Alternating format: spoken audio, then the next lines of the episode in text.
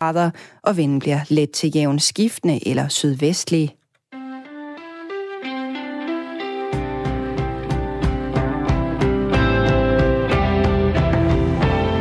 Godmorgen, jeg hedder Kasper Harbo. Det her er Radio 4 morgen, 10. januar. Jeg står sammen med Jakob Grosen.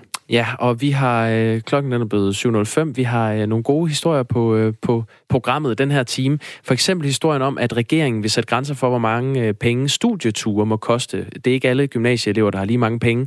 Forslaget går på, at de ikke må koste mere end, end 3.000 kroner, og om et kvarter, der taler vi med en elev fra Lyngbys Handelsgymnasium, som mener, 3.000 kroner er et latterligt lavt beløb. Hun vil gerne have lov til at bruge 38.000 kroner på sin studietur. Mm. Mm. Esbjerg Kommune vil have fingre i et nyt skattecenter med 250 statslige arbejdspladser. Derfor prøver kommunen at få skatteminister Morten Bødskov til at vælge Esbjerg ved at lokke med en ikke eksisterende flyforbindelse. Altså nogle fly, der ikke flyver mellem Esbjerg og København. Mere om det om små 10 minutter. Ja, øh, man kan åbenbart komme fra Esbjerg til København på 40 minutter, hvis den fandtes, den der flyrute. Så det er jo smart, hvis den fandtes.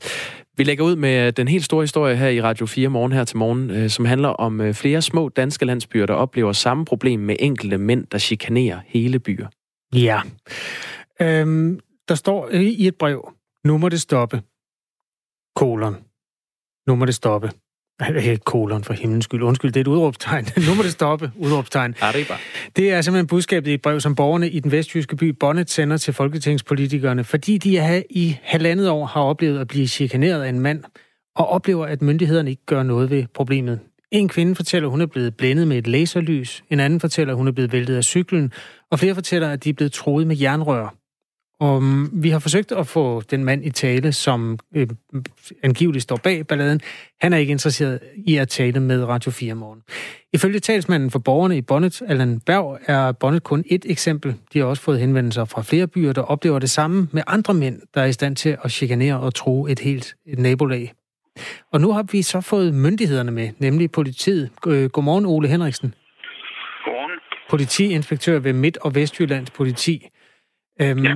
Det her det er sådan en type sager, hvor nogle mænd chikanerer en landsby, de chikanerer de andre borgere, de er blevet meldt til politiet, og alligevel er det et problem, der kan fortsætte i overvis. Kan du sige noget generelt om, hvorfor det ikke kan lade sig gøre? Og stoppe det? Ja, jeg kan først sige, at jo, øh, der er stor forståelse for, hvor frustrerende det her det kan være for øh, de implicerede parter. Og øh, hvad hedder det, øh, fordi det er jo en daglig øh, deres utryghed, som de oplever. Øh, og hvad skal man sige, øh, der er kun én ting at sige, øh, det er, at øh, det er vigtigt at anmelde øh, hver gang, at der sker noget, at man oplever trusler eller ting, som man mener, der er strafbare, fordi vi samler jo sagerne, øh, og et eller andet sted alle har jo behov for at øh, øh, blive hørt i den her sag. Nu sidder nogle mennesker måske og undrer sig over, hvorfor vi ikke lige tager den helt konkrete sag og spiller nogle klip og fortæller om alt det, der er sket. Men det er fordi, du vil ikke, du kan, eller du kan ikke, du må ikke snakke om det konkrete. Så derfor snakker vi generelt om det her. Ja. Øhm, altså, hvad er det, der gør det svært at, øh, at for eksempel sætte en mand i fængsel, hvis han ødelægger det for en hel landsby? Jamen, det er jo fordi, at øh, politiets mulighed for at frihedsberøve nogen, det er et udtryk for, at vi øh, anholder dem og øh, det anbringer dem et sted det, øh, det skal enten være efter politiloven eller efter retsplejeloven. Det vil sige, at der skal være nogle overtrædelser af lovgivningen, der gør, som at de er så alvorlige, de overtrædelser, at folk de kommer i fængsel for det. Altså, de skal fængsel. Og øh, hvad skal man sige, det er jo grundlæggende ret at have sin frihed. Og der skal faktisk meget til for, at politiet kan berøve folk friheden. Og øh, vi skal jo vurdere det her fra sag til sag. Så er der en anden mulighed, det er, hvis, det er efter, hvis, hvis folk er psykisk syge, men så er det jo efter, hvad hedder det, øh, så er det jo efter psykiatriloven, og øh, så er det på en lægelig baggrund, som man øh, kan fjerne folk fra deres bogpæl. Nu er du politiinspektør ved Midt- og Vestjyllands politi. Det er et relativt øh, stort distrikt, I har.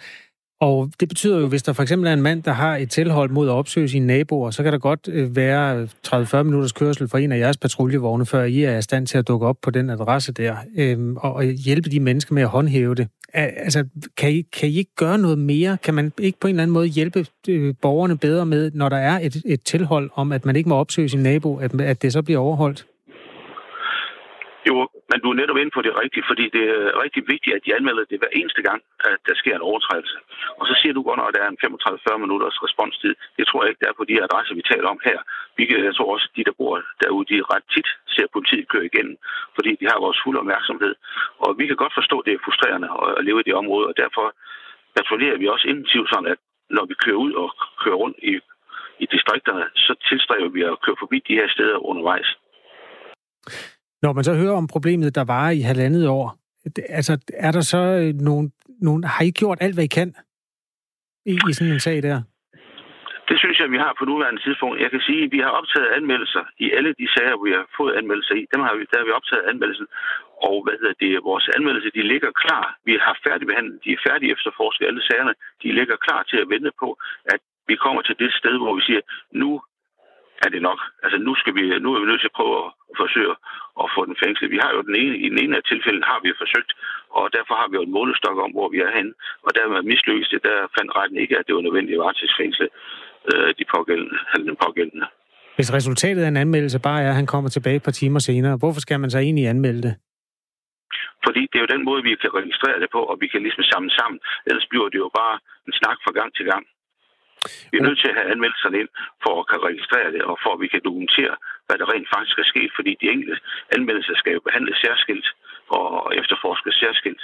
Og det har vi også gjort. Og alle sagerne ligger, som jeg siger før, vi er sådan set klar. Ole Henriksen, øh, politiinspektør ved øh, Midt- og Vestjyllands øh, politi. Nu, nu hørte vi tidligere fra Bonnet, som altså er den her lille by, der bliver chikaneret, i hvert fald ifølge de borgere, vi har talt med, af en 50-årig mand. Der vi hørte om en, der er nødt til at køre i bil. Hun har 400 meter på arbejde, men hun tør ikke at cykle, efter hun er blevet overfaldet af, af vedkommende. Og borgerne har igennem to måneder mødes, mødtes hver aften til kaffemøde for at stå sammen mod den her mand. Altså, hvad, hvad stiller man op? Hvad, hvad er din opfordring til de her borgere, der, der ikke tør at bevæge sig uden for døren?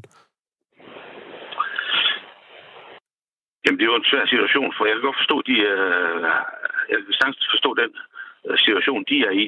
Men øh, jeg er nødt til at sige, at vi er nødt til, fra vores side, at vi er nødt til at behandle sagerne særskilt og individuelt. Øh, fordi øh, modparten i de her sager har jo også krav på en retsbeskyttelse i den her sammenhæng, og at vi følger gældende regler. Så vi kan ikke bare selv øh, iværksætte nogle ting, som øh, øh, at køre ud og, og, og hvad skal man sige, øh, anholde ham øh, eller hende, hvem det nu måtte være. Men det jeg vil sige, det er, vi kører ofte forbi, vi holder øje med det, vores sager de er gjort klar til at kan blive fremmet i retten, lige snart vi får en ny overtrædelse, og vi forsøger hver eneste gang, vi er opmærksom på det. Det er næsten det eneste, jeg kan sige. Borgerne er meget frustrerede og håber på en, en løsning. Hvad, hvad tænker du, løsningen kan være? Ja, hvis jeg havde et bud på og en tilgængelig løsning, så havde vi effektueret det. Det kan jeg lige så godt sige. Vi har ikke nogen nemme løsninger, og der er ikke nogen nemme løsninger på de her forhold. Øh, fordi det er jo den enkeltes ejendomsret, vi uh, taler om. Altså, de har jo ret til hver især alle parterne at bo på deres egen bopæl og, og færdes ud og ind. Øh, men de har ikke ret til at chikanere hinanden. Og derfor er vi nødt til at optage anmeldelser hver eneste gang, de gør, øh, de gør det, og det gør vi også. Og det er altså borgerne i Bonnet i den helt konkrete sag, der retter henvendelse til deres lokale politi. Ole Henriksen er fra Midt- og Vestjyllands politi, hvor han er politiinspektør og var altså med i Radio 4 morgen. Tak for det, Ole Henriksen. Ha' en god dag. Tak noget. Hej. Hej igen. Og vi hører jo gerne fra, fordi det er jo en tendens, som vi indtil videre kunne få bekræftet, der øh, eksisterer i 5, 6, 7 øh, bare jyske byer, som har rettet henvendelse til bondetalsmanden Allan Berg, som vi talte med tidligere. Så det er garanteret ikke et hverken jysk eller dansk fænomen, at der findes enkelte typer, der kan øh, få en hel by til at gå rundt med hjertet op i halsen. Hvis du har oplevet noget lignende på din hjemmeegn, så må du meget gerne give lyd til Radio 4 morgen. Du skriver R4 og et mellemrum, og så et lille resume af det, du oplever i dit nærområde, og så sender du den til 1424. Vi vender tilbage til sagen, blandt andet med øh, Socialdemokraternes retsordfører Jeppe Brugs lidt senere på morgenen. Og klokken den er blevet kvart over syv. Øhm, når statslige arbejdspladser skal udflyttes eller oprettes nye øh, arbejdspladser, så er der rift om at få de her øh, arbejdspladser ud i de danske kommuner. Lige nu er der 250 arbejdspladser på spil, for regeringen og, øh, og støttepartierne vil oprette et nyt skattecenter i her i, i år i 2020, og flere kommuner har allerede øh, budt sig til for at få fingre i de her arbejdspladser. En af dem, det er Esbjerg Kommune, som forsøger at få skatteminister Morten Bødskov til at vælge Esbjerg ved at lokke med en øh, flyforbindelse mellem Esbjerg og København. Problemet er bare, at den flyforbindelse ikke eksisterer. Det skriver Jyske Vestkysten.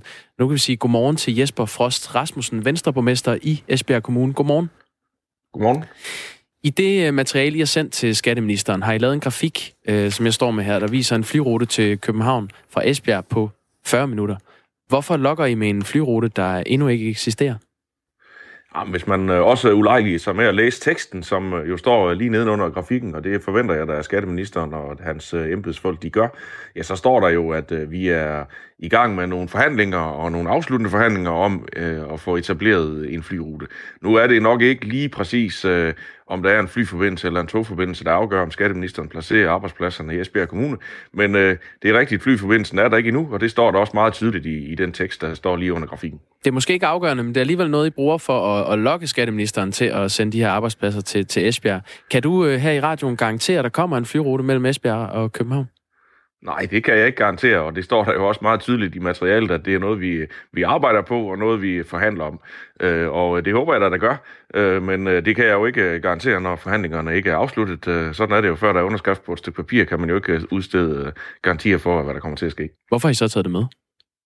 Jamen, vi har jo, som jeg lige har sagt en gang, taget det med, fordi at øh, det er noget, vi arbejder på, og øh, det er noget, der, der for, forhåbentlig kommer til at ske, om ikke nu, så øh, øh, med en anden øh, operatør, hvis ikke det lykkes at, at få den her aftale landet.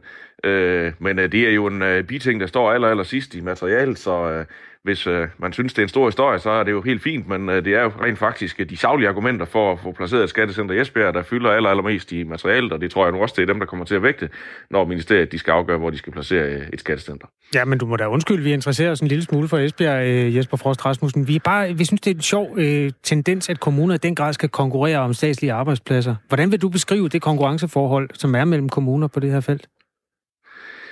Jamen, det er jo øh, det er rigtig fint, I interesserer jer for Esbjerg. Det er meget øh, velkommen til, og øh, jeg svarer også gerne på spørgsmålene, og jeg vil sige, at øh, det, det er jo et, øh, øh, en konkurrence, når, når øh, regeringen og støttepartier de vil placere statslige arbejdspladser. Det er meget attraktivt at øh, få 200-300 arbejdspladser. Det er sjældent, at lige kommer en virksomhed og slår sig ned i en kommune, og fra med få øh, ugers øh, øh indkøringstid, så har over 200 arbejdspladser. Så selvfølgelig er det attraktivt. Øh, det giver jo muligheder for, at man, man øh, kan tiltrække endnu flere borgere og, og skabe endnu mere liv, i, uanset om det er, er i Esbjerg, eller i Aarhus, eller, eller et andet sted i landet. Ja, og Venstre har jo borgmesterposter i mange byer. Er det ikke en speciel situation i virkeligheden, at man er medlem af det samme parti, og så når øh, der skal deles øh, den type lunser ud, så er man pludselig modstander?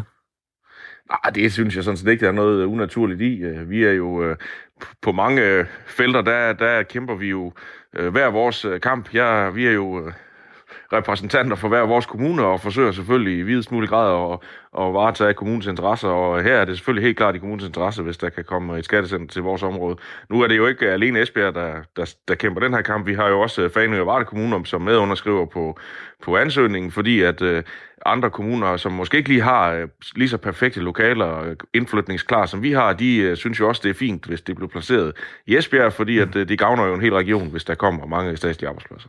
Jesper Forst Rasmussen, øh, Venstre borgmester i Esbjerg Kommune. Øh, vi vender lige tilbage til den her flyrute. Øh, sidst Esbjerg havde en flyrute mellem Esbjerg og København, det var tilbage i 2014. Og dengang udsprang ruten af et lokalt initiativ, hvor erhvervslivet i det sydvestjyske stiftede det her selskab ESR, som gik i luften med 21 ugenlige returflyvninger mellem Esbjerg og København. Øh, ruten blev bare opgivet efter 27 dage. Så det er jo øh, oplagt at spørge dig, hvad der får dig til at tro, at en ny flyrute, der skal gøre det samme, og som I lige nu øh, forhandler om, som du fortæller, er realistisk og rentabel.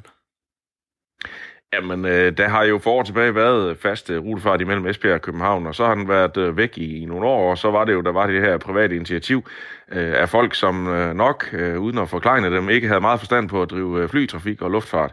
Øh, og det fandt de nok også ud af på en hård måde, da de gik ind i den her branche. Jeg er helt sikker på, at øh, når man har at gøre med, med selskaber, der er vant til at, at øh, håndtere sådan en opgave her, jamen, øh, så øh, gør de sig selvfølgelig også øh, de kalkyler, der skal til for at, at, at finde ud af, hvad er det for nogle flytyper, og hvor mange afgange, og, og hvordan skal trafikken vende og så videre, for at det her det øh, kan være rentabelt. Så det er jeg nu meget fortrøstningsfuldt øh, ved, at det vil der være et, et, øh, basis, det vil der være basis for, og øh, det er selvfølgelig også, øh, det er jo heller ikke noget, der lige er startet i går, øh, de drøftelser, der, der refereres til her, så, så jeg håber og tror på, at, at det, det bliver sådan inden så længe. Lige kort her til sidst. Skatteminister Morten Bødskov, han har takket nej til at, at mødes med jer i København for at drøfte mulighederne for det her skattecenter i, i Esbjerg. Hvad, hvad tror du er Esbjergs kommunes chancer for at få det her nye skattecenter? Jamen, øh, ja, jeg håber at vi har gode chancer fortsat. Øh, jeg fornemmer, at ministeren ikke har lyst til at mødes med en ret lang række delegationer af kommuner, og det er også fair nok. Øh, jeg, nu er det jo et skattecenter i 2020, og så står der jo faktisk i regeringspapirerne, øh, at øh, der skal placeres tre mere i de efterfølgende år. Så hvis ikke vi får det første, så håber jeg da, at vi kunne få en af de efterfølgende. Men jeg synes, vi har nogle fornuftige, saglige argumenter. Vi har nogle indflytningsklare bygninger. Vi har i forvejen øh, et fagligt miljø i form af nogle andre styrelser i området, så vi kan rekruttere medarbejderne dertil. Og, og, og vi fra kommunens side er selvfølgelig klar til at stille op alt det, vi kan. Så jeg håber og tror på, at, at vi ligger pænt til i, i kurven, når skatteministeren skal tage den beslutning. Det sagde Jesper Frost Rasmussen, borgmester i øh, Esbjerg. Held og lykke med det. Tak, tak. Klokken er 20 minutter over syv, og øh, nu skal vi tale om en sag, som er en form for højdepunkt i en gymnasietid, nemlig studieturen. Regeringen vil nu sætte grænser for, hvor meget den må koste. Der er stor, stor øh, forskel på, hvor meget en gymnasieelev og ikke mindst øh, gymnasieelevens familier har til rådighed og kan bruge på studieture. Derfor mener børne- og undervisningsminister Pernille rosenkrantz teil ikke, at det må koste mere end 3.000 kroner for eleverne og deres familie at komme på studietur. Det er der nogen, der synes øh, lyder en lille smule kedeligt, for hvor langt kan man egentlig komme ud og rejse for 3.000? Øhm, som øh, Katrine Fischer fra Lyngby Handelsgymnasium sagde i går i Berlingske, det bliver en lille bitte, sådan lidt halvkedelig, halvligegyldig studietur med et rådrum på 3.000 kroner. Godmorgen, Katrine Fischer. Godmorgen. Øhm, I din klasse, der koster studieturene samlet set 38.000 fordelt på tre øh, udlandsture. Hvor kommer de penge fra? Øh, jamen, de kommer fra min mor og fra mig, øh, fordi jeg arbejder, og så fra min SU. Okay. Hvem, hvor meget betaler din mor? Øh, nu, nu ved jeg ikke lige præcis, hvor hun betaler, fordi vi, vi plejer at dele det meget ud med, hvem der lige kan den måned, øh, og hvem der har penge i overskud til at kunne lægge til side til det. Okay. Du er også medlem af Liberal Alliances uh, Ungdom i Nordkøbenhavn. Det siger jeg som en lille disclaimer, fordi det er jo også, uh, det har jo noget med politik at gøre det her. Og du er altså uenig med øh, den socialdemokratiske børn- og unge øh, øh, undervisningsminister, ja. Pernille rosenkrantz teil om at sætte en grænse på 3.000 kroner. Hvorfor synes du, det er en dårlig idé at lave et loft for, hvad studieture må koste? Jamen, jeg synes, det er en dårlig idé, fordi jeg synes egentlig ikke, det skal være politiske tiltag, der skal bestemme, hvor vi skal rejse hen. Øhm, det, det synes jeg, man bør lade være op til individet, eller i det mindste gymnasiet. Øhm, fordi man ved jo godt allerede på forhånd, før man melder sig ind på den linje, så ved man godt, hvad studieturene koster, og man ved godt, hvor man skal rejse hen. Så derfor tænker jeg, at man tager et aktivt valg om, at man gerne... Jeg har for eksempel valgt, at jeg vil i rejseklassen, fordi jeg synes, det kunne være fedt at kombinere at rejse med at gå i skole. Og, og så, så er det jo den konsekvens, at det koster mere for mig i gymnasiet. Øh, og det er jo ikke sådan, at der ikke bliver udbudt linjer, eller den samme linje, som jeg har, bare uden de her rejser, som så til, man, man kan få til billigere penge. Nu hedder det jo ikke bare en rejse, det hedder en studietur. Og ja, det vil sige, at man skal selvfølgelig lære øh, noget af det sted, man rejser hen. Har du et eksempel på, at en billig studietur vil være dårligere end en dyr studietur? Øh, Ja, altså min søster, hun fortalte mig øh, så sent som i går, at hun skal til Berlin i fire dage med hendes klasse. Øh, de skal køre i bus, og de skal bo på, hvad hedder det, et øh, sådan vandrehjem eller et hostel. Mm. Øh, de, skal, de skulle være der fire dage, køre i bus. Det tager seks timer hver vej, det vil sige, at de bruger de to første dage på at sidde i en bus. Øh, det koster 4.100. Så ikke engang, altså det til Berlin, som egentlig kunne have været en fin, fin studietur, kan være inde altså for, for den ramme som penge. Hvis nu man kunne komme til Berlin for 3.000, ville det så være diskvalificeret, eller, eller vil det være Jamen, jeg, jeg synes ikke, man kan gøre det op i, om det er en øh, fed studietur eller ej på den måde. Det, det synes jeg egentlig må være op til personerne selv, om de synes, det er en fed studietur.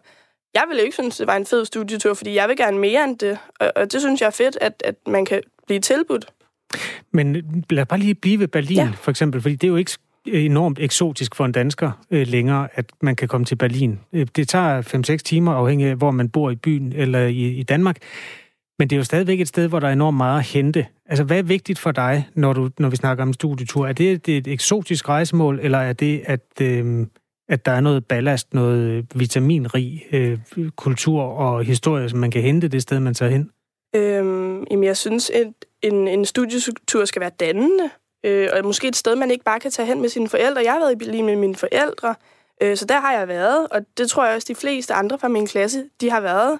Hvor mange gange øhm, har du været i Berlin? En gang? En, to, tre gange. Øh, jeg, jeg tror, to gange tror jeg, jeg har været der. Øhm, har du set alt, hvad der er i Berlin, tænker du? Sådan, at du ved alt, hvad der er ved at vide om Berlin, så? Øh, jeg tænker, jeg har set det, jeg har haft lyst til at se, øh, og, og ved en del om det, eftersom man har været der, så ved man det jo. Men det er jo også måske princippet i en studietur, at man ikke skal se det, man har lyst til at se, men det, som nogen har planlagt, at man skal se, fordi der er noget visdom at hente der. Ja, ja, ja og, og jeg siger heller ikke, at det ikke er en mulighed, at man, hvad hedder det nu, at man kan komme altså, til Berlin, hvis det er det, man har lyst til, eller hvis det er det, man definerer som en fed studietur, men jeg synes, det er ærgerligt at skulle sætte en begrænsning for, at jamen, så skal alle skære, skæres over en kamp, og mm. så er der lige pludselig ingen, der må tage på studietur, som de synes er fede. Men er det ikke netop pointen med, med studieture, at man, øh, man vælger nogle øh, destinationer, hvor alle kan være med? Nu er jeg faktisk ikke sikker på, at man ikke kan komme til Berlin for under 3.000 kroner. Det, men det, lad, lad det ligge ved det. Synes du ikke, at, at der er et eller andet i, at, at alle skal kunne være med på sådan en studietur? Er det ikke hele princippet i det? Jo, og jeg synes også, at alle kan være med, som det er nu. Med 38.000 kroner i, Jamen, der, i betaling? der er jo ingen, der tvinger dig til at vælge den linje, hvor du, hvor du skal betale 38.000. Den selvsamme linje, den findes jo med de samme fag, bare hvor der bliver udbydt, udbydt billigere studieture. Så det er jo ikke sådan, at linjen den ikke vil eksistere, hvis man ikke har lyst til at betale 38.000, eller man ikke kan være på linjen uden at betale de 38.000. Jamen, du kan jo skille af med, eller du, du kan klare dig med at skulle betale måske 5.000 kroner. Øh, og, og det har vi for eksempel et legat på skolen, man kan søge om som der ikke er særlig mange, der søger.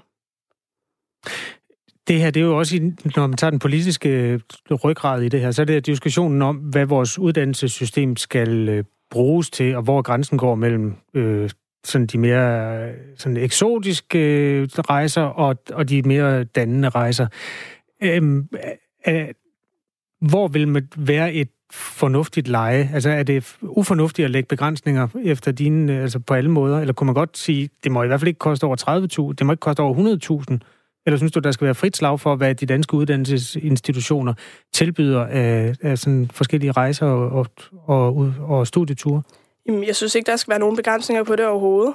Øhm, hvad der, altså, hvis der er en efterspørgsel for det, så, så, så i min optik må det egentlig gerne eksistere. Øh, hvis der ikke er en efterspørgsel for det, jamen, så bliver linjen jo nok meget hurtigt lukket ned, fordi der ikke er nogen, der har lyst til at betale det. Katrine Fischer, elev på Lyngby Handelsgymnasium. Tak fordi du var med i Radio 4 morgen. Hvornår skal I ud og rejse næste gang? Skal de øh, det skal vi i 3.G. Så der går et år. Okay, hvor skal I hen? USA til Seattle. God tur. Tusind tak for det. Klokken er 7.28 Radio 4 morgen med Jakob Grosen og Kasper Harbo. De kunne også tage til London.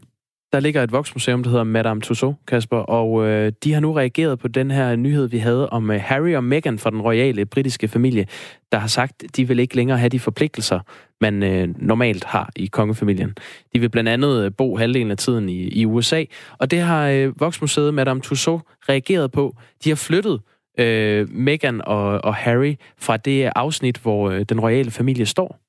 Så når man går ind og ser dem, så står de, står de et andet sted sammen med nogle andre? Eller? Ja, for de er stadig en meget øh, elsket familie, som, øh, som det her Voksmuseum skriver i en øh, pressemeddelelse. De bliver bare rykket til et separat afsnit, der ikke har noget med kongefamilien at gøre. Og de siger så, øh, det er lederen af Madame Tussauds i London, Steve Davies, han siger, ligesom resten af verden reagerer vi på den overraskende nyhed om, at hertugen og hertuginden af Sussex vil træde tilbage som fremtrædende medlemmer af den royale familie. familie. Men altså, de bliver der altså stadig. De populære og elskede figurer. Der er mange, der hænder og får taget billeder med dem. Men de får ikke lov til at stå sammen med resten af familien. Og det er vel også det, de siger nej tak til. Vi gider ikke fotografere sammen med de gamle tusser i kongehuset mere. Nu vil vi gerne have lov at stå sammen med øh, John McEnroe eller øh, Sporty Spice eller en eller anden, der er lidt mere interessant. Ja, det de konkret skrev på øh, Instagram, det var, øh, vi har en intention om at træde tilbage som seniormedlemmer af den royale familie og arbejde for at blive økonomisk uafhængige, mens vi fortsætter med fuldt ud at støtte hendes majestæt dronningen. Jeg har været, altså, det, jeg har været meget overrasket over, hvor rasende en reaktion den der udmelding har fået. Det, det er som om, det ikke er noget, man bare kan gøre. Det er ikke et job, man kan sige op, ligesom man kan med alle mulige andre. Nej, men der var jo også øh, hæftig debat om, øh, om øh, prins Joachim og Marie, da de flyttede til Frankrig. Ja, og, man og der kan, bor de jo fint nu. de bor så godt, og øh, det var jo også diskussionen om, hvor mange penge, der fulgte med. Altså, så vidt jeg forstår, så har den, den engelske delegation her sagt nej tak til, eller engelsk skråstreg amerikanske, Mm. Øh, sagt nej tak til at få penge, i hvert fald på den lange bane. Så... De ville øh, gerne være økonomisk uafhængige. Hun er jo også en, øh, en ret populær skuespiller, Meghan Markle. Så må ikke, der er penge nok. Også til tre studieture til 38.000. Klokken er blevet 8.30 her i Radio 4 morgen. Skal vi lige have et øh, overblik over Bare nyhederne? 7.30, tror jeg.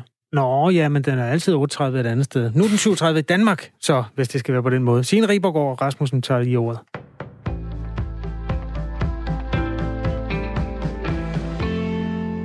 Det får næppe konsekvenser for konflikten mellem USA og Iran, at Iran muligvis skød det ukrainske passagerfly ned, som styrtede onsdag morgen med 176 personer ombord. Det siger Peter Viggo Jacobsen, der er lektor ved Forsvarsakademiet. Det her kan ikke udløse nogen form for, for gengæld militært i hvert fald. Ikke meningsfuldt. Der er ikke nogen, der vil have forståelse for, hvis iranerne begynder at skyde efter amerikanerne, fordi de selv er kommet til at skyde fly ned, når der end ikke var et amerikansk angreb under opsejling. Det her det er en total tragedie, som sandsynligvis er forårsaget af nogle øh, tekniske fejl eller nogle soldater, der har været helt vildt bange for, at amerikanerne kunne finde på at angribe. Flyet blev ifølge Kanadas premierminister skudt ned af Irans militær, formentlig ved en fejl. Godt 14.000 danskere lider af sygdommen ME, som tidligere var kendt som kronisk træthedssyndrom. Alligevel så bliver ME-foreningen ofte kontaktet af patienter, der møder læger, som ikke kender til sygdommen og ikke kan tilbyde ME-specialiseret behandling. Det siger næstformanden for ME-foreningen Katrine Engsi til Kristelig Dagblad. Og det er realiteten på trods af, at et enigt folketing sidste år vedtog, at indsatsen for ME-patienterne skal opprioriteres. Sundhedsstyrelsen anbefaler blandt andet kognitiv terapi til ME-patienterne, men Katrine Engsi fortæller til avisen, at internationalt anerkendte retningslinjer betegner ME som en udelukkende fysisk sygdom. Derfor er foreningen uenig i Sundhedsstyrelsens anbefaling. Dansk Folkepartis sundhedsordfører Liselotte Blikst deler bekymringen og har sammen med Alternativets sundhedsordfører Susanne Simmer indkaldt sundhedsminister Magnus Heunicke til et samråd den 14. januar. Næsten en kvart million mennesker er i dag blevet opfordret af de australske myndigheder til at forlade deres hjem, som følger af de fortsat omfattende skovbrænde i landet. Samtidig så står militæret klar til at hjælpe i kampen mod de stigende temperaturer og uberegnelige vinde, der har sat endnu mere gang i brændene langs østkysten. Alene i delstaten Victoria har myndighederne i dag sendt advarsels-sms'er ud til 240.000 mennesker og bedt dem om at forlade området. Og også i New South Wales og delstaten South Australia er folk blevet opfordret til at forlade deres hjem. Myndighederne har ikke oplyst, hvor mange mennesker det her drejer sig om tosprogede byskilte Dannebro i flagstængerne i Sydslesvig og dansk på skoleskemaet. Hvert eneste år sætter de danske politikere omtrent en halv milliard kroner af på finansloven til Sydslesvig og det danske mindretal. I år har Folketingets Sydslesvig-udvalg bevilget 488 millioner kroner til drift og projekter anlægsstøtte. Men selvom beløbet er højt, så har den årlige bevilling til Sydslesvig ikke ført til nogen særlig diskussion på Christian Christiansborg.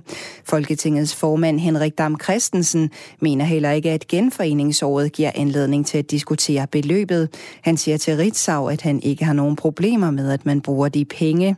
I dag bliver genforeningsåret officielt skudt i gang med en konference på Christiansborg og senere på det kongelige teater, hvor den kongelige familie deltager. I år er det nemlig 100 år siden, at Sønderjylland blev genforenet med Danmark. Indiens omdømme som et af de værste lande for kvinder at leve i, bliver bekræftet af ny statistik over voldtægter. I 2018 anmeldte en kvinde i snit en voldtægt hvert 15. minut året rundt. Det viser en årlig kriminalstatistik fra Indiens indrigsministerium. I dag bliver det skyet med regn eller byer mange steder, især i den sydlige og østlige del af landet. I løbet af eftermiddagen klarer det noget op med temperatur mellem 3 og 6 grader, og vinden bliver let til jævn.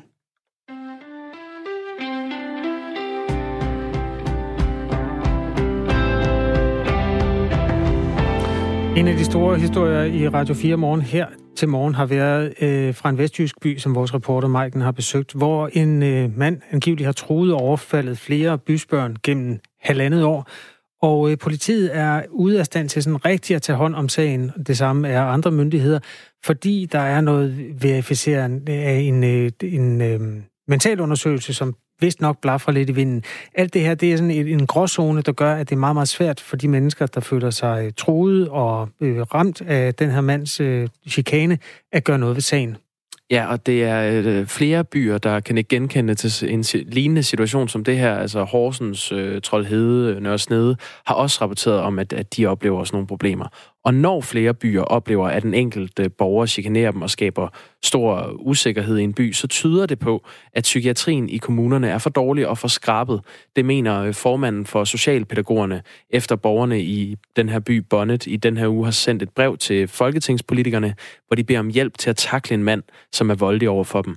Nu kan vi sige godmorgen til Benny Andersen, formand for Socialpædagogerne, som øh, ofte er ansat ved kommunerne for at tage sig af borgere med særlige behov. Godmorgen, Benny Andersen. Godmorgen. Godmorgen. Du mener, at det her det er et tegn på, at psykiatrien er blevet forsømt økonomisk i, øh, i mange år. Hvorfor det? Jamen, når en borger reagerer, som ham I øh, fortæller om, så er det jo udtryk for, at der er noget, der er galt. Så er det udtryk for, at han, han, han behøver hjælp, og jeg har sådan set også noget at have det i. Altså Arbejderbevægelsens Erhvervsråd har i den her uge offentliggjort en undersøgelse, der viser, at fra 2012 til 2018, der er udgifterne til, til børn og unge øh, psykiatrien faldet med 22 procent per øh, ung. Det svarer til 400 millioner. Når vi spørger vores egne medlemmer, så er der mere end halvdelen, der siger, at de oplever borgere, der burde have et andet hjælp end det, de får. Næsten halvdelen siger, at der er kommet flere borgere med ud af regerende adfærd. Alt sammen indikerer så kraftigt, at øh, psykiatrien er forsømt ude i kommunerne. Kan du være helt sikker på, at det er det, der er problemet her? Altså, der er jo ikke nogen mennesker, der, øh, det er i hvert fald ganske få, øh, langt de fleste, når, når mennesker reagerer som øh, det, I beskriver med at sanere andre og, og gøre ting, som man selvfølgelig ikke øh, skal have lov til at gøre, jamen så er det et, øh, ofte et råb om hjælp, så er det ofte et øh, råb om at, øh, og billede på, at der er noget gået galt i systemet, at han simpelthen ikke får øh, den støtte, som øh, gør, at han ikke kommer i de situationer, hvor han gør sådan nogle ting. Og nu er han sikkert glad for at blive omtalt i en sætning, hvor der indgår ordet unge, men han er jo trods alt 50, den mand, som har rigtig gjort sig utilbens i den vestjyske by, mm. Bonnet. Øhm, hvor mange af den slags oplevelser hører du om, altså sådan konkrete steder, hvor en person, som måske har brug for psykiatrisk hjælp, fordi at øh, vedkommende ikke øh, har det godt i hovedet, gør det, gør det svært for sine omgivelser? Jamen, det øh, er daglige historier, vi får ind fra vores medlemmer, som jo er dem, der er aller tættest på de her borgere. Og når jeg nævner unge, så er det jo fordi, at hvis vi forsømmer de unge, så bliver vi ved med at producere øh, mennesker, der, der, der gør ting, som de ikke burde gøre. Men det er daglige historier, at øh, øh, en oplevelse af, at vi kunne have gjort øh, noget andet. Vi kunne have givet et menneske en, nogle andre chancer i livet, hvis vi havde fået lov, hvis der var de nødvendige ressourcer til stede. I øh, finansloven, der blev sat øh, 600 millioner kroner af til bedre psykiatri. Er der ikke udsigt til, at det her det bliver bedre? Jo, jeg er rigtig glad for, at politikeren endelig erkender, at, at psykiatrien har været forsømt over så mange år. Øh, jeg må bare sige, at den prioritering, der er i finansloven, jeg er glad for, at der kommer flere penge, og jeg er også glad på behandlingspsykiatriens vegne, at der kommer flere penge. Men det kan ikke hjælpe noget ikke at tage fat i det helt grundlæggende, det der foregår i kommunerne, der hvor vi møder borgerne først, altså socialpsykiatrien. Øh, jeg synes lidt, at finansloven er et udtryk for, at man gerne vil lappe nogle huller i vejen, men øh, de penge, der er afsat, der kan man kun lappe hver fjerde hul, fordi man netop ikke tager fat i socialpsykiatrien. VIVE er et øh, nationalt forsknings- og analysecenter for velfærd. De har kortlagt kommunernes problemer på det her voksenspecialområde, og de konkluderer, at kommunerne oplever de største udfordringer i arbejdet med borgere med psykiske vanskeligheder. Øh, det er især øh, arbejdet med borgere, øh, som har svære psykiske lidelser, som bliver udskrevet fra behandlingspsykiatrien. Hvad, hvad er løsningen på det her problem? Jamen, øh, der er desværre ikke et øh, quick fix. Vi er nødt til at handle langsigtet psykiatriplan, som tager fat i hele psykiatrien, lige fra børn til social psykiatri til behandlingspsykiatri. Men et af de steder, hvor vi skal tage fat allerførst, det er, vi skal lade være med at sende folk ud i kommunerne til ingenting øh, fra behandlingspsykiatrien. Og det er desværre det, der sker. Altså, at de, de, øh, de bliver udskrevet, inden de er færdigbehandlet, og så bliver de udskrevet til øh, et sted, hvor, hvor, hvor der ikke er den støtte, og der, der er den hjælp, som de kan få. Og det, det betyder jo bare, at øh, de, de udvikler deres øh, øh, sygdom, de udvikler deres lidelser, og, og, og det får de fatale konsekvenser, som I, som I beskriver over i, over i Lemvig Kommune. Men Benny Andersen, øh, formand for Socialpædagogerne, hvad er det for en opfølgning, de her øh, patienter har brug for, når de bliver udskrevet? De har brug for, at når, når den ene hånd slipper den i behandlingspsykiatrien, så skal der være en hånd til at tage imod dem øh, ude, ude i kommunerne. De har brug for i en periode øh, at, at have støtte til at kunne bo selv. De har brug for at få struktur i deres liv, så de ikke kommer i situationer, hvor at de, de gør ting, som, som, som alle øh, jo er enige om, at, at det ikke skal ske. Når de gør den slags ting, mennesker, når de generer borgere på den måde, så er det et råb om hjælp for langt de fleste vedkommende. Det sagde Benny Andersen, formand for Socialpædagogerne. Tak for det. Selv tak. Lidt over øh, halv ni, der snakker vi med en af de ansvarlige øh, S-ordfører, som øh, også modtager det her brev fra borgerne i Bonnet. Vi vil høre, hvad regeringen vil gøre ved det.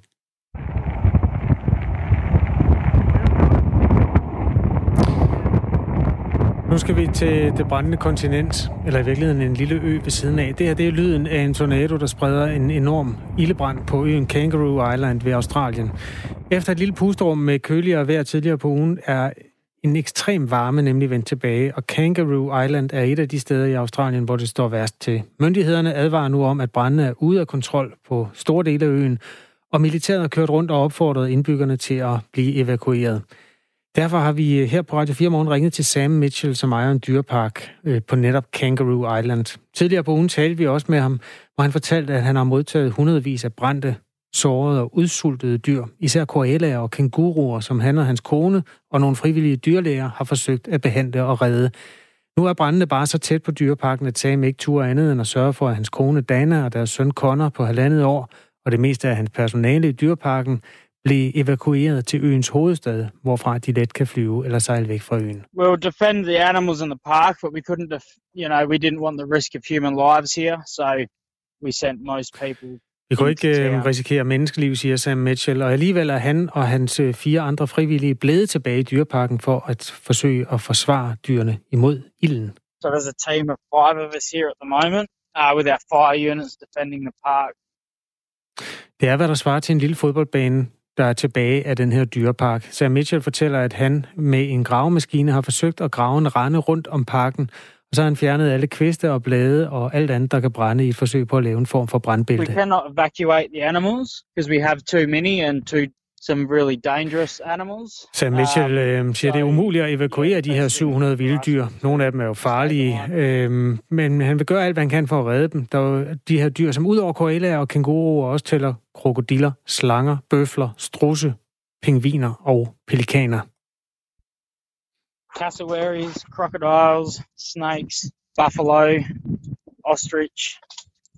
Um, we've got, you know, even things that just quite hard to house, like penguins, Ja, der er nok at se til med de her mange forskellige dyr, øh, dyr, specielt fordi der ikke er nogen dyrlæger tilbage i parken. Sam Mitchell og hans venner prøver at behandle brændstår og skifte forbindinger og give drop så godt som de kan til de hundredvis af sårede koalaer og kænguruer, som er blevet afleveret til dyreparken efter at brændene tog til.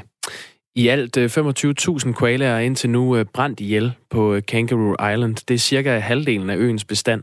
Og de koalaer, der stadig lever, de risikerer at dø af sult, fordi de fleste af øens eukalyptustræer er gået til i ilden, fortæller Sam Mitchell. Derfor lykkedes det for Sams kone Dana at tage en gruppe forældreløse koalaer med sig, da hun blev evakueret. Are outside, but they're orphan, like the ones that have lost their mums. We have to bottle feed them, and um, yeah, I can't keep up with that for myself, so she's in town doing that. Ja, de får altså sutteflaske, de her øh, baby koalaer, og skal mades hver anden time.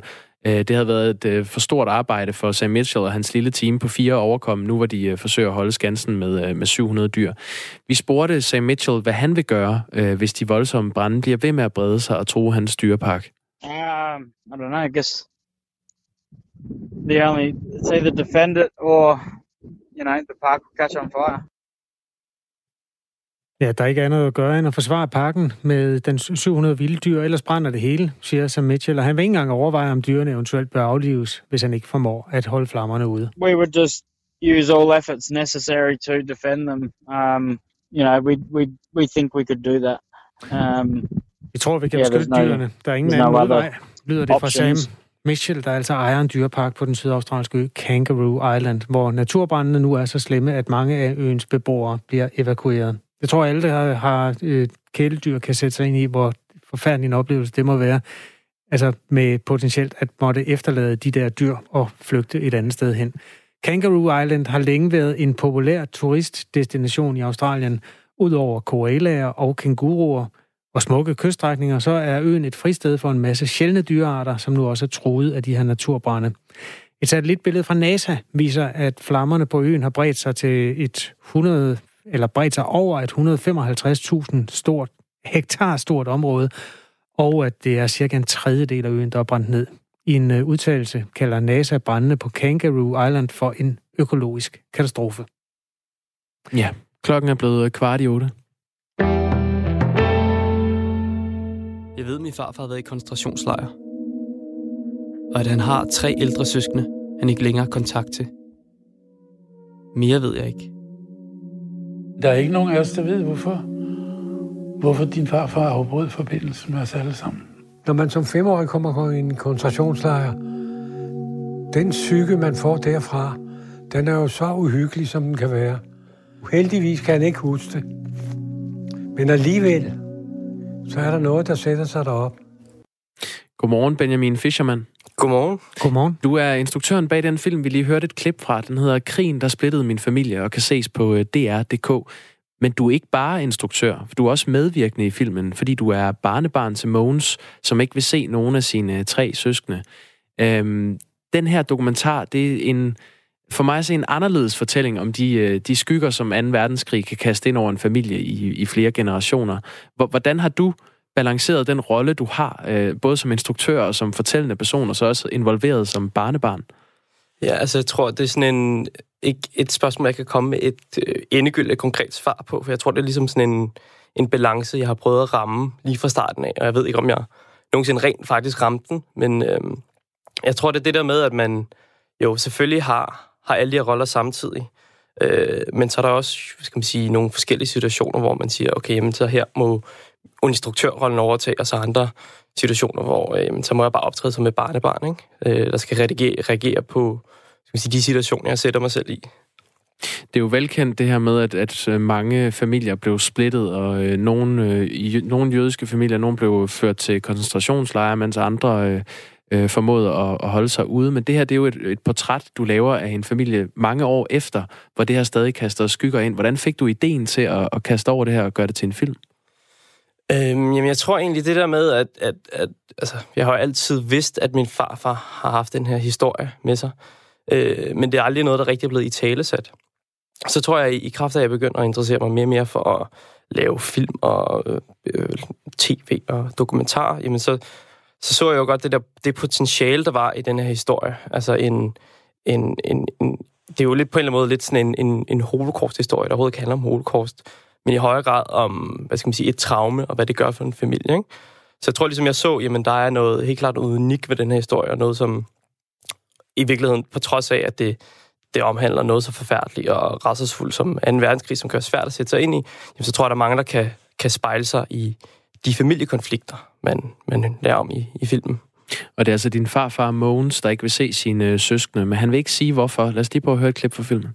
Jeg kommer aldrig nogensinde til at se nogen af dem. Nogensinde. Sådan bliver det. Det der, det gider jeg ikke. Det gider han ikke. Hvor- hvor- Hvordan reagerer du på det som, som barnebarn?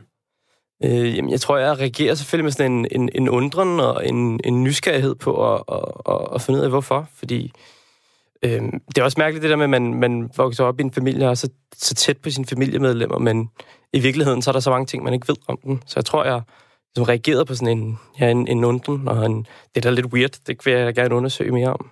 Ja, for det er jo også godt tv, at en kilde siger sådan. Altså, der ligger jo et godt indbygget drama. Så hva- hvordan ser du så på det som instruktør?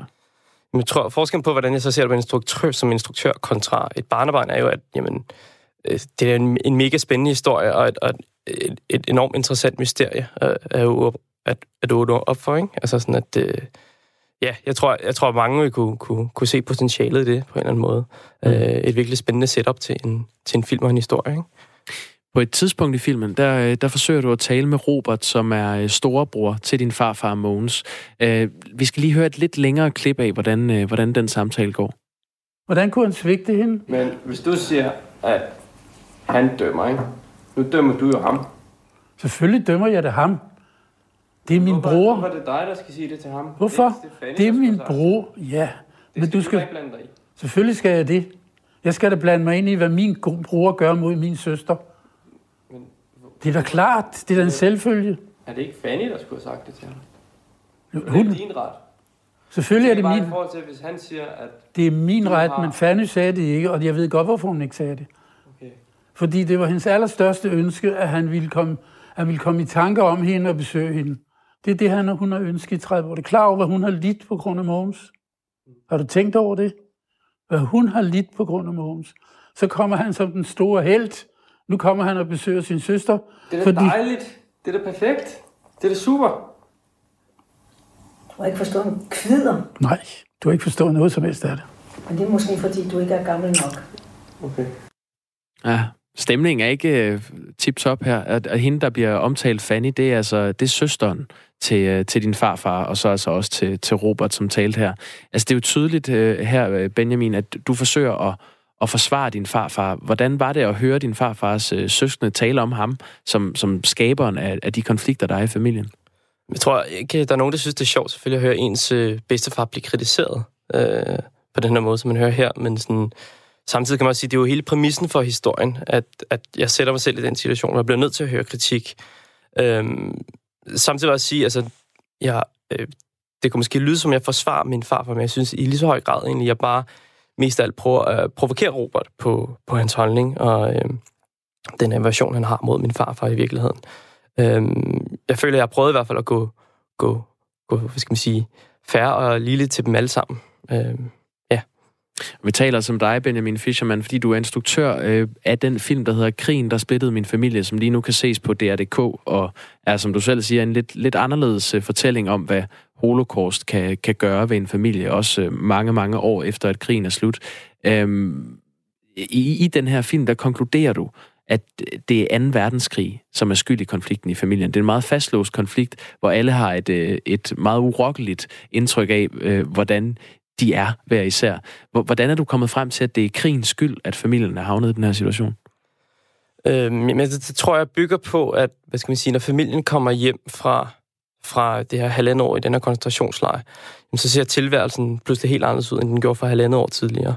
Øhm, familien har mistet familiemedlemmer øhm, som de troede levede i, altså imens de var i koncentrationslejren. Så jeg tror, ligesom den her øh, splittelse efter krigen og skal man sige, de eftervirkninger af krigen gjorde, at familien blev så splittet, som den gjorde. Øhm, jeg tror simpelthen, at den her familiekonstellation, der var efter krigen, den, øh, den var så problematisk, at ligesom ikke kunne løfte den opgave at være en, at være en harmonisk familie. Øh, til, det sagt... til de lytter, der ikke lige har set krigen, der splittede min familie endnu, øh, kan du ikke lige prøve at, at oprise, hvordan, øh, hvordan er historien med den her familie?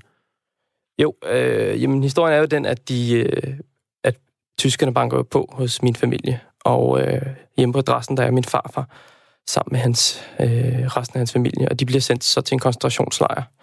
I mellemtiden lykkes det så nogle af familiemedlemmerne at øh, flygte, øh, som så drukner øh, under flugten til Øresund. Øhm, og hvad skal man sige, min farfar og resten af familien, der var sendt i koncentrationslejr, vidste ikke, at den ene halvdel af familien var omkommet. Og det fandt de så først ud af, da de kom hjem efter koncentrationslejren. Øhm, så de levede altså i halvandet år i den her koncentrationslejr med øh, den forhåbning om, at skal komme hjem til resten af familien, som de så ikke gjorde, desværre. Øhm, så man kan sige, øh, den, den handler jo om, hvad skal man sige, om det her, den har det her historiske spor, der omhandler familien og øh, de forfærdelige, øh, det forfærdelige traume, det var ud fra. Men så handler den også om det nutidsspor med min far, for der har besluttet sig til ikke at se sin søskende, øh, som jeg så går ud for at undersøge. Ja, og hvad, hvad kommer du så frem til der? Altså, den her konflikt, den, den kaster jo de her lange skygger ind i familien i dag, og, og folk er sure på hinanden på kryds og tværs, og vil slet ikke være i rum sammen. Altså, kan du prøve at beskrive øh, den situation? Jeg kan lige få spørgsmål igen. Prøv igen. Jamen, hvordan den her konflikt, den kaster skygger ind i jeres familie i dag? Hvordan oplever du det i dag? Øh, jamen altså, først og fremmest selvfølgelig på grund af, at, altså, at min farfar ikke vil se sin søskende. Øh, det tror jeg jo personligt har til dels, øh, hvad skal man sige, hvad skal man sige, øh, skyldes krigen, men så også, at, altså, at de her mennesker, øh, der optræder i filmen, er jo formet af de oplevelser, de har haft under krigen. Ikke? Øh, tror ikke klart, det har været med til at forme deres liv. Øh, du, du går faktisk fra, fra et af møderne med, med nogle af dine farfars øh, søskende, og så, så går du lige ud til kameraet og siger, at du har øh, meget lyst til at ringe til dine egne forældre. Hvad er det, der ligesom kommer i spil i, i dit eget liv og din, øh, dine tanker om din egen relation til dine forældre? Jamen, jeg tror, det jeg lærte jo undervejs var, at, at nogle gange så kan de her konflikter blive så store, at man jo i virkeligheden glemmer, hvad de rent faktisk handler om.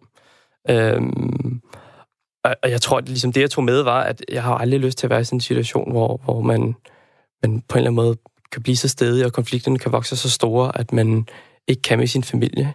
Øhm, det, det tror jeg var det, jeg lærte. Altså sådan, på en eller anden måde kommer jeg også ud som det her øh, lidt unge, naive menneske, der prøver at, at, at, at gøre det helt godt igen, ikke? hvor jeg så lærer, at okay, det er lidt sværere end det. Så jeg tror det for jeg tog med for mig selv personligt, var jo, at, at jeg håber også, jeg kunne lære af de her ting, øh, jeg har undersøgt under filmen. Ikke? Det sagde Benjamin øh, Fischerman, instruktør af filmen Krigen, der splittede min familie, som kan ses på DR.dk, og er en alternativ holocaust-fortælling. Tak for det. Det var så lidt. Klokken er fire minutter i otte. Der er et øh, overblik over nyhederne med Signe lige om lidt. Men øh, Jacob, jeg synes lige, vi skal starte med at tale lidt om trænerfyringer. Ja, i øh, fodbold, hvor er vi hen? Ja, og ja. træner, det lyder som sådan egentlig sådan et grønt, lidt for stramt øh, træningssæt. Det her, det er selvfølgelig managers, det er folk, der står i spidsen for multinationale virksomheder, som også lige har et fodboldhold ved siden af. Ja. Og en af dem fyrer måske træneren i dag. FC Barcelona spillede en øh, kamp i går i en eller anden rimelig perifær turnering, der hedder Supercup, og tabte så. Og så mødtes bestyrelsen bagefter, og så ser det ud til, at man vil fyre øh, cheftræneren manageren Ernesto Valverde. Ja. Jeg synes bare, vi, altså, der er så meget, der fascinerer mig ved det der. Det er jo ikke øh, noget nyt, at man kan blive fyret i et chefjob, men, men det er, det er simpelthen så mange penge. For det første, de tjener, og for det andet, de får med sig, når de bliver fyret, at, øh, at det, det er bare... Det, når man så nogle gange siger, at det er bare sport, det er altså ikke bare sport, det her. Det er, det er så sindssygt. Øhm, jeg har to statistikker, som jeg synes, vi skal tale om. Den ene, den er om de mest vellønnede øh, managers i verden. Den anden handler om de øh, penge, som Chelsea har brugt på at fyre managers de sidste 20 år. Hvad for en vil du helst høre? Og så vil jeg faktisk gerne starte med det med Chelsea. Det er jo øh, London-fodboldklubben Chelsea. Ja, som mm. blev overtaget af en øh, russisk rigmand, der hedder Abramovich. Og det, der er mange, der mener, det var der, det gik galt for, øh, for moderne topfodbold i forhold til penge og de store beløb. Ikke? Han købte sig ind med, han brugte en milliard eller sådan noget til at begynde med på spillere. Jeg ved ikke helt, hvor mange penge han har brugt i alt. Jeg ved, Nej. at øh, på at fyre managers, der har han brugt 800 millioner kroner indtil videre. Hold op. Og det er altså ikke på at lønne managers, det er på at fyre dem. øhm, kan, er du godt hjemme i engelsk fodbold så meget, at du kan huske, hvem der har været manager i Chelsea gennem tiden? Åh, oh, ah, tag mig ved hånden. Nogle af dem kan du måske huske. Kan du huske Antonio Conte? Ja, det kan jeg sagtens. Det var manden, der øh, også lige pludselig dukkede op med et meget flot hår. Han havde ellers i mange år haft måne. Han er italiensk, en, øh, en levemand. Og grund til, at han har fået råd til noget ordentligt hår, det var, at han fik en kvart milliard med, da han blev fyret i Chelsea. Han, havde, øh, han kom der til fra italiensk øh, fodbold. Jeg tror, han var landstræner i Italien. Så blev han øh, manager i Chelsea og førte Chelsea frem til det øh, engelske mesterskab. Ja, det gik faktisk godt. Det gik godt det første år, så gik ja. det dårligt det andet år. Ja, han begyndte at spille med wingback, sådan lidt defensiv italiensk øh, spillestil, men det holdt sig ikke andet år. Udmærket analyse, det havde jeg glemt. Det andet år, det var det år, hvor Leicester blev mestre, øh, og det kom jo bag på alle. Og Stor historie, ja. Folk blev rasende, og så blev han fyret. Nå, men han fik 250 millioner med. Nummer to og nummer tre over de mest vellønnede, øh, eller de mest velbetalte fyrede managers i Chelsea. Det Igennem en... de sidste 20 år? Ja. ja. Kan du gætte, hvem det er? Uh, Mourinho. Ja. José Mourinho, en uh, ja, portugisisk træner, en meget kontroversiel type. Meget vellønnet uh, mand, som blev fyret i 2007. Ja. Og igen i 2015. Han har fået smag for at blive fyret i Chelsea. Jamen, han er også en dygtig mand, og han fik dem ført frem til mesterskaber i begge omgange, hvor han blev ansat. Øh, Han fik øh, 190 millioner kroner med første gang, han blev fyret, og 140 millioner med anden gang. Det der, har det ikke noget at gøre med, hvor lang tid man har tilbage af sin kontrakt og sådan noget? Jo, lige præcis. Ja. Altså, du får jo løn resten af perioden, og så er der nogen, der har nogle øh, klausuler, der gør, at de får noget ekstra, hvis de bliver losset ud. Ja. Det er jeg ikke helt klar over, hvordan det er skruet sammen. Hvad med ham, øh, Mauricio Sarri, som øh, de havde kørende på et tidspunkt? Ham hentede de i Napoli. Han er en af de eneste, der må ryge smøger ude på øh, sidelinjen. Ja. Han nægter at, at lade cigaretterne ligge ude i omklædningsrummet. Og det er ikke opgjort, hvor meget han fik med. Det er en af de eneste hemmeligheder, der er tilbage i moderne topfodbold. okay. Frem mod nyhederne kan jeg lige nu fortælle dig, at øh, den top 10 over de mest vellønnede trænere og managers i verden, den inkluderer også den her Barcelona-mand, som formentlig bliver fyret senere i dag. Ja. Ernesto Valverde. Han er nummer 3 på listen over de mest vellønnede. Nummer 2 på listen over de mest vellønnede, der ligger Pep Guardiola, kendt fra øh, Manchester City. Han tjener 20 millioner pund om året. Altså 180 wow. millioner kroner. Ja.